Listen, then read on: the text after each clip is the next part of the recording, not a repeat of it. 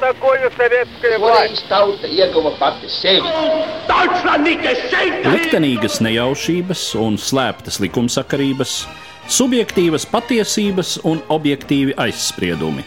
Pēc atkušņa nekad nenāk uzreiz pavasars, bet sākās Arī šodien cilvēki ir ļoti tuvredzīgi. Viņi redz to naudu, kas ir televīzijā, jau pamatā notiek cīņa par varu.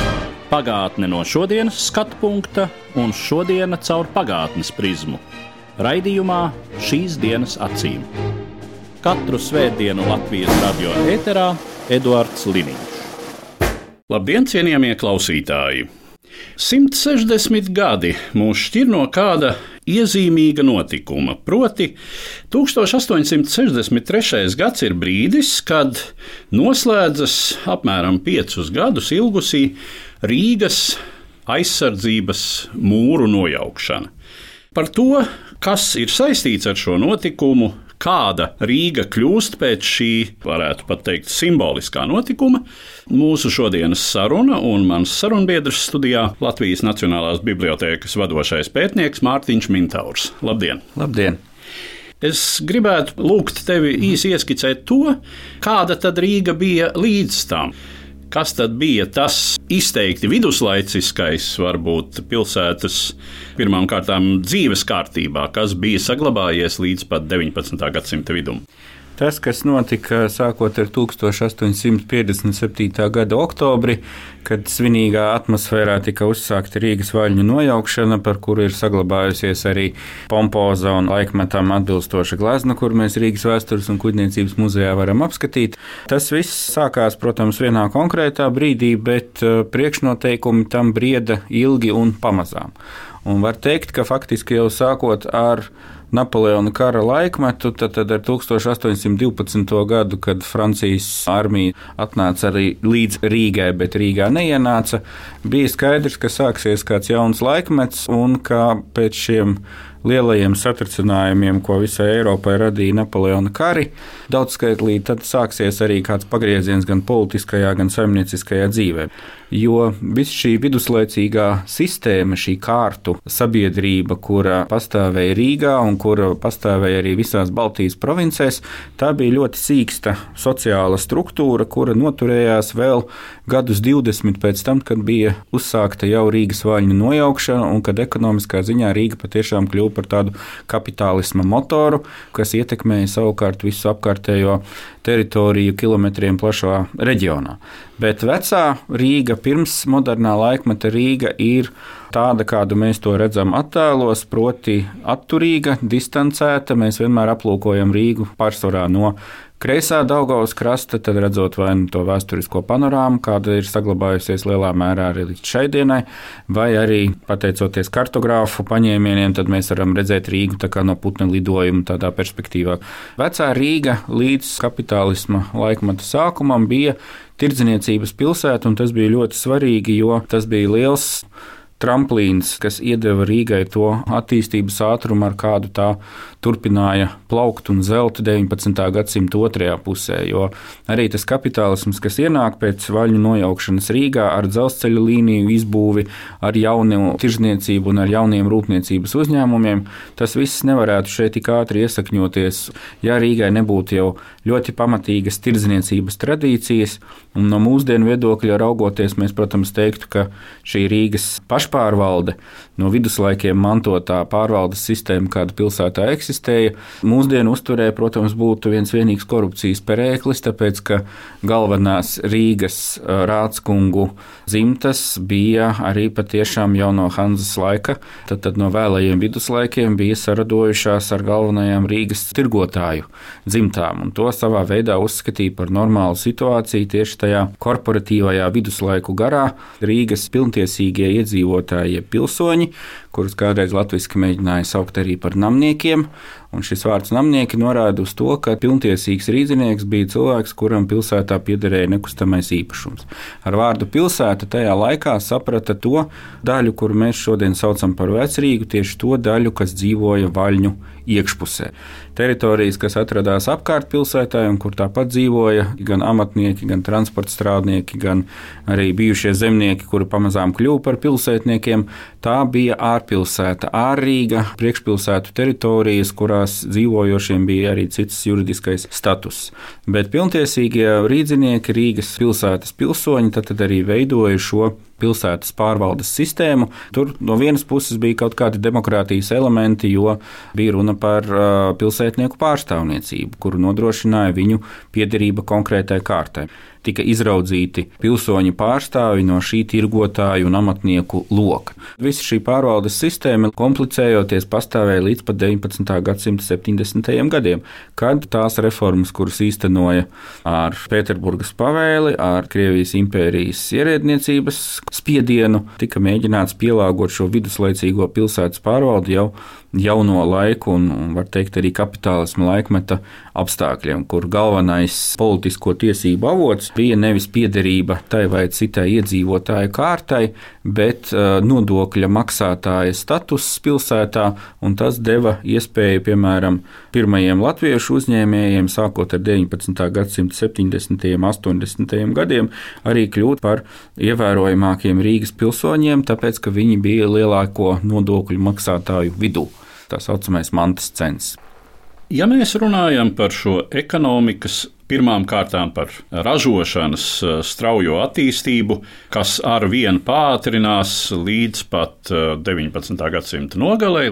Pēc tam iestājas zināms ekonomikai raksturīgs krīzes periods uz apmēram desmit gadiem. Un tad ir vēl viens strauji uzplaukuma periods, kuru pārtrauc Pirmais pasaules karš. Bet, um, ja mēs uh, zinām to, ka šajā laikā Rīga kļūst par vienu no šiem vadošajiem industriālajiem centriem, tad kur ir tas resurss? Kāpēc tieši Rīga līdzās Maskavai, Sanktpēterburgai, kas ir saprotams galvaspilsētas, Varšavai, kas arī ir bijusi lielvalsts galvaspilsēta, kur ir Rīgas trumpi šai ziņā. Rīgas trumpji ir vairāk. Pirmkārt, protams, osta, un tāpēc nav arī brīnums, ka 20. gadsimta sākumā, tad, tad līdz Pirmajam pasaules karam, Ja paskatītos pēc tirzniecības apgrozījuma ostas pilsētās, Krievijas impērijā, tad tur nemitīgi notiek konkurence starp trim galvenajām ostas pilsētām. Pirmkārt, Odessa, caur kuru tiek eksportēti graudi no auglīgajām Ukrainas zemēm tālāk uz Rietumu Eiropu. Otrā ostas pilsēta pēc kravu apgrozījuma ir Sanktpēterburga, bet tur ir savi, protams, klimata nosacījumi, kas ietekmē ostas darbību, jo ziemā līdz aizsalst. Un trešā, bet bieži vien arī otrā, un šad un tad ik pa laikam arī pirmā ostas pilsēta pēc kravu apgrozījuma apjoma impērijā toreizējā ir Rīga. Kāpēc Rīga? Tāpēc, ka atkal šīs tirzniecības tradīcijas, acīm redzot, ļāva veidot tādu politiku Rīgas ostā, kur kravas, kas tika eksportētas uz rietumiem caur Rīgu, tika, latviešu sakot, diversificētas. Ja Odeses eksports pamatā bija graudu produkcija, tad eh, tās preces, kas tiek eksportētas caur Rīgas ostu, tur ir kāda daļa graudu, tur ir kāda daļa kaut kādu citu izēvielu, materiālu, līdz pat tādām precēm, kas mūsdienās varbūt izklausās kā zināmā mērā kurjos, piemēram, sasaldētu olu eksports caur Rīgas ostu, kuram speciāli tiek uzbūvēti milzīgas saldējumās iekārtas, un olas pieveda pa dzelzceļu pat no tālajām Volgas piekrastes guberņām. Tad pirmkārt osta, ar kur varēja izvest ļoti dažādu preču klāstu, un arī tā skaitā mašīnu būvis un ķīmijas produkciju, kas jau uzreiz ļāva pielāgoties ļoti plastiski visām tām ekonomiskajām krīzēm un konjunktūras svārstībām, kas kapitālismu saimniecībā ir neizbēgama un dabiska lieta. Un svārstās gan izvedamo preču klāsts, mainās sortiments un mainās arī attiecības starp to, cik mēs ievedam, importējam valstī un cik mēs izvedam. Tad, tad arī tas bija ļoti svarīgi, ka Rīga varēja ātri reaģēt uz tām svārstībām, kuras notiek pasaules ekonomikā un kuras pie mums ir jūtamas arī jau sākot nu, vismaz ar 19. gadsimta 70 gadiem. Otrs trumpis ir tas, ka Rīga ļoti ātri kļuva par mašīnu būves centru, kas varbūt izklausās pārsteidzoši, bet, ja paskatās tā laika kartē, tad ir redzams, ka Rīga atkal ir pēdējā pietura vai pēdējais posms tajā mašīnu būves ciklā, kas sāk veidoties 19. gadsimtā līdz ar tā saucamo smago rūpniecību vai apstrādes rūpniecību, kad ne tikai tiek iegūtas, piemēram, ogles, kā Harkivas gadījumā, Rīga kļūst par vietu, kurā noslēdzas mašīnu būves cikls, proti, tiek salikti kopā dažādi aparāti, dažādas iekārtas, kuras tiek izmantotas gan impērijā iekšējam patēriņam, gan arī eksportam. Kāpēc Rīga? Tāpēc, ka caur Rīgas ostu var ne tikai izvest produkciju uz ārzemēm, bet arī piegādāt no ārzemēm to, kas ir nepieciešams mašīnu būves attīstībai. Un tad, kad 19. gadsimta 60. gados Rīgā nodibina Politehnisko augstskolu, vēlāko Politehnisko institūtu, būtu,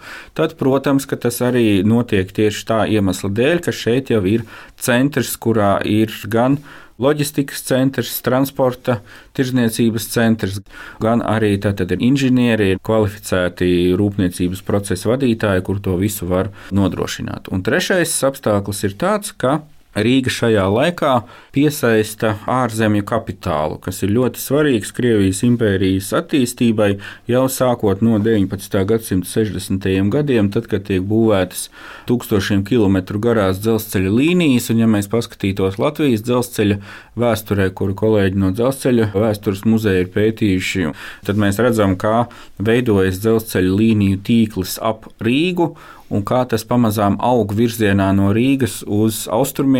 Tātad vispirms tiek uzbūvēta Rīgas Daugopils dzelzceļa līnija, un pēc tam tā pakāpeniski pa posmiem tiek turpināta tālāk uz tā saucamajām iekškrievijas guberņām, no kurienes var izvest gan izēvielu materiālus visdažādākos, gan veicināt teiksim, darba spēka pārvietošanos, un uz kurieni tiks vesta arī tā mašīnu būvs produkcija, kas tiks veidot Rīgā.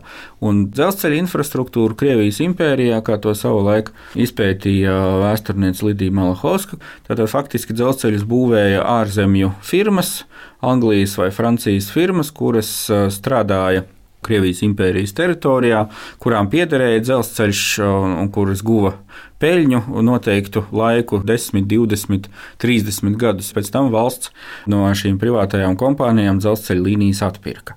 Sākot ar 19. gadsimta 90. gadiem, kad Rīga kļūst par lielu industrijas centru, parādās ārzemju kapitāls, kurš darbojas Krievijas impērijas teritorijā, izmantojot uh, savstarpēji izdevīgus līgumus par ekonomisko sadarbību. Tāds kapitāls ir tā saucamajā Krievu Baltijas vagonu fabrikā, kas tiek uzbūvēta un ko arī pazīst ar šo apzīmējumu Ruso Baltu, kas saistās ar pirmajiem eksperimentiem automobīļu būvniecībā, tanku būvniecībā Krievijas impērijas teritorijā. Ar starptautiskā kapitāla līdzdalību tiek uzbūvēts milzīgais koncerns gumijas ražošanas rūpnīca ar nosaukumu Provodņika, tad, tad kabeļu rūpnīca, kas ražo sintētisko kaučuku, kas izmantot galošu ražošanai. Viens no lielākajiem uzņēmumiem Krievijas impērijā. Lielāks bija tikai līdzīgs gumijas ražošanas uzņēmums Pēterburgā ar nosaukumu Triogoļņika. Tāpat ārzemju kapitāls parādās elektromašīnu būvē. Slavenais vācu koncerns AEG Vispārējā elektrības sabiedrība ir tā, kur ieliek pamatus elektromašīnu būvniecības rūpnīcai, kuru mēs vēlāk pazīstam kā valsts elektrotehnisko fabriku.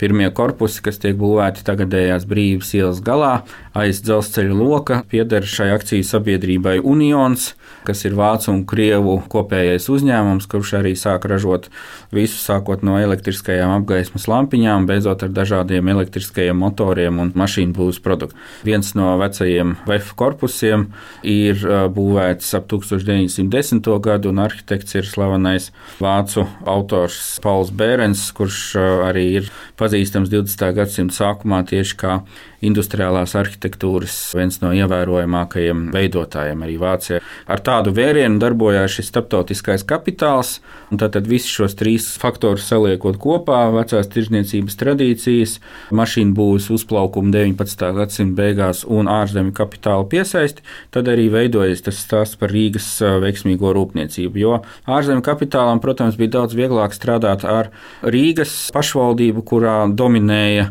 vācu valoda un kurā dominēja arī priekšstats par vācisko kārtību, akurātību un precizitāti, ko mēs arī varam redzēt gan laika biedru atmiņās par to, kā darbojās Rīgas saimniecība, gan ko mēs gal galā varam redzēt arī staigājot pa Rīgas centra ielām un redzot, ar kādu lineāru precizitāti ir veidota pilsētas apbūve. Tad, tad tur, kur pretī bija vāciski runājoši, starptautiski konvertējami speciālisti, vai tas bija Rīgas Politehniskais institūts, vai tie bija Rīgas pašvaldības darbinieki, kurā kaut vai pazīstamā Rīgas pilsētas galvas Džeimsa Armitstada laikā, kad tika uzskatīts par tādu maksimālo uzplaukumu periodu 20. gadsimta sākumā vispār Rīgas vēsturē, tad, protams, ka ārzemju kapitālam bija daudz vieglāk dibināt šos kontaktus Rīgā, nevis kādā citā no impērijas pilsētām.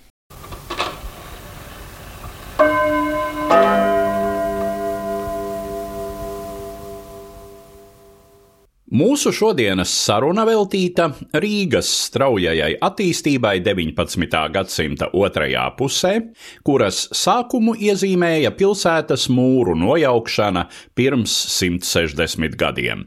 Mans sarunbiedrs studijā Latvijas Nacionālās bibliotēkas vadošais pētnieks Mārtiņš Mintaurs.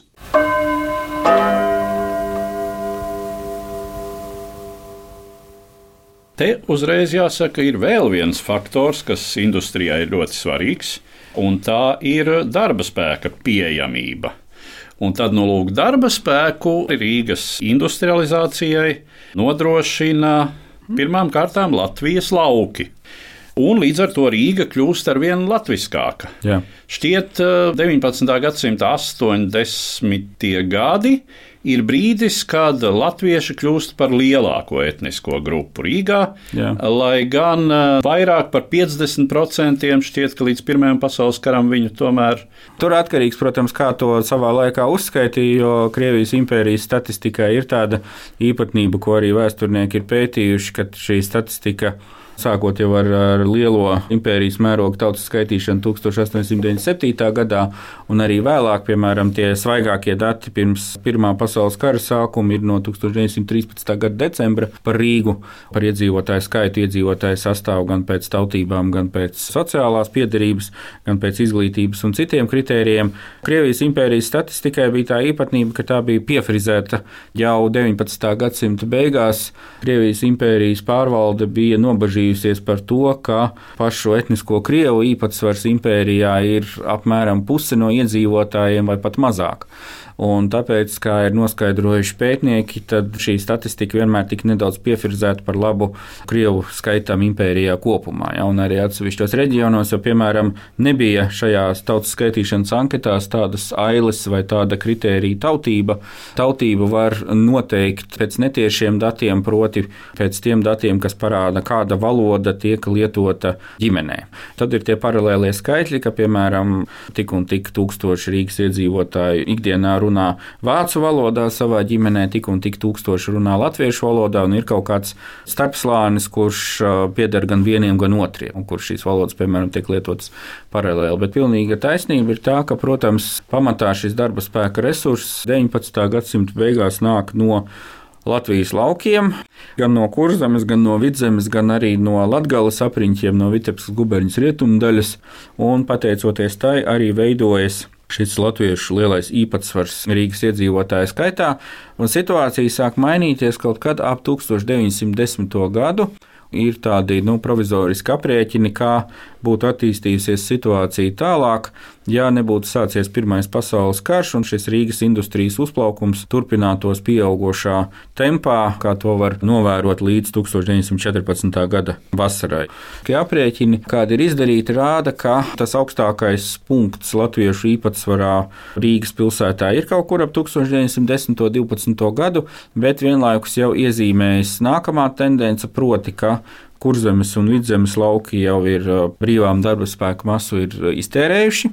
Un ir sācies tas process, kuru mēs pilnā mērā piedzīvojam pēc otrā pasaules kara ar padomju industrializācijas politiku, proti, ka pieprasījums pēc darba spēka turpina pieaugt un sākas iedzīvotāju ieceļošana no citām Krievijas impērijas vietām un guberņām, kur, protams, vairs nav runa par to, ka tie būtu latviešu runājoši iedzīvotāji. Un, ja šī situācija būtu saglabājusies bez Pirmā pasaules kara, tad Nu, var rēķināt, ka Krievijas impērijai turpinot pastāvēt Rīga no Latviešu centra, domājams, nākamajos 20, 30 gados diezgan ātri pārvērstos par pilsētu, kurā latvieši vairs nebūtu vairākumā. Runājot par to iespaidu, kāds ir Rīgai vispār uz latviešu nācijas veidošanās situāciju, nu šajā laikā Rīga ir tā vieta primāri, kur latviešu nācija iegūst pilnvērtīgu sociālo struktūru.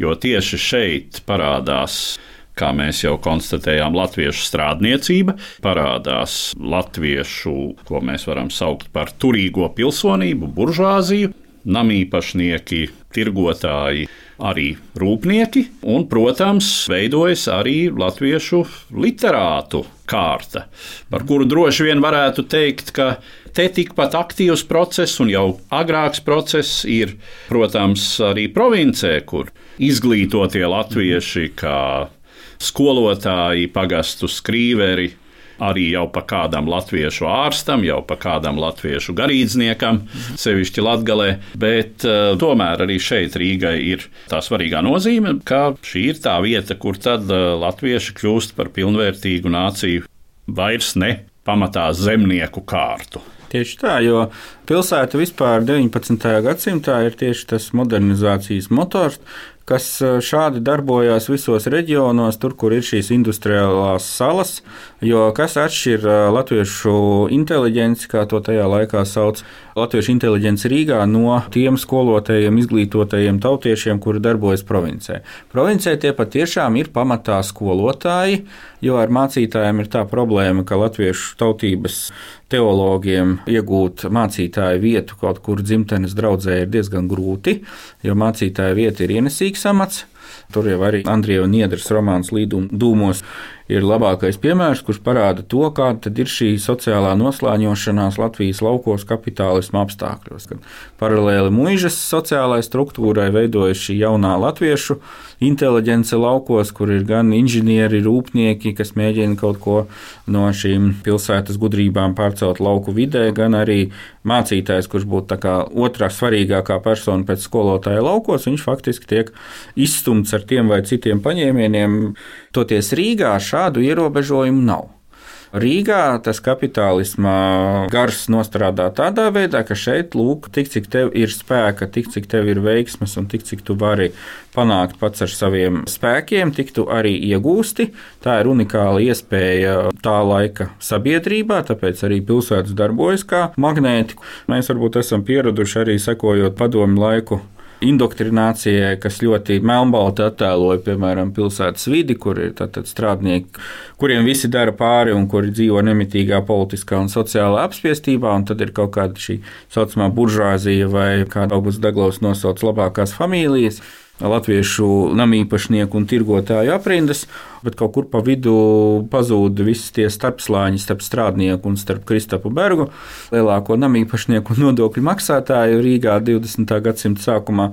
Un, faktiski pilsēta ir tā, kura arī iemāca cilvēkiem gan lielāku patstāvību, jo tu esi mazāk atkarīgs no dažādiem ārējiem apstākļiem, vairāk tu esi atkarīgs no savas veiksmes vai savām neveiksmēm. Protams, ka nevienam nekādas garantijas par to, ka strādājot fabrikā, tu netiksi sakropļots kādā darba nelaimes gadījumā, vai ka tu nesaslimsi ar tuberkulozi un nenomirs postā un nabadzībā. Tādu garantiju, protams, nevienam nebija. Tāpēc tā tā sociālā atlase bija ārkārtīgi nežēlīga. Ja, tu vari būt izmests no laivas, tad, ja tu saslimsti, tad, ja tu cieti kādā nelaimes gadījumā darbā. Tā viss ir ļoti No vienas puses, dinamiska lieta, mēs redzam, ka Rīgas pilsēta attīstās, kā tiek būvēti nami, un vēl šodien mēs redzam, teiksim, dzīvojamās ēkas, kas ir 5-6 stāvu augstumā pa veselu kvartālu, un kur ir gadskaitlis 1910 vai 1913. Tad, protams, ir viegli iekrist tādā sajūsmā un priecāties par to, tiešām var teikt, acu priekšā izauga jaunā Rīga, tā skaitā ar latviešu uzņēmēju naudu un ar latviešu strādnieku darbu. Bet uh, otra puse visam šim skaistajam veiksmes stāstam ir tāda, ka tas cilvēcisko resursu ziņā un cilvēka ciešanu ziņā maksāja ļoti dārgi. Un par to aizmirst eh, tad, kad mēs sākam uzdot retoriskus jautājumus teiksim, par to, kādēļ ne tikai latviešu strādniecība, bet arī latviešu inteliģence, tie, kuri bija studējuši augstskolās, kāpēc viņi visi bija tik ļoti kreisi noskaņoti 20. gadsimta sākumā.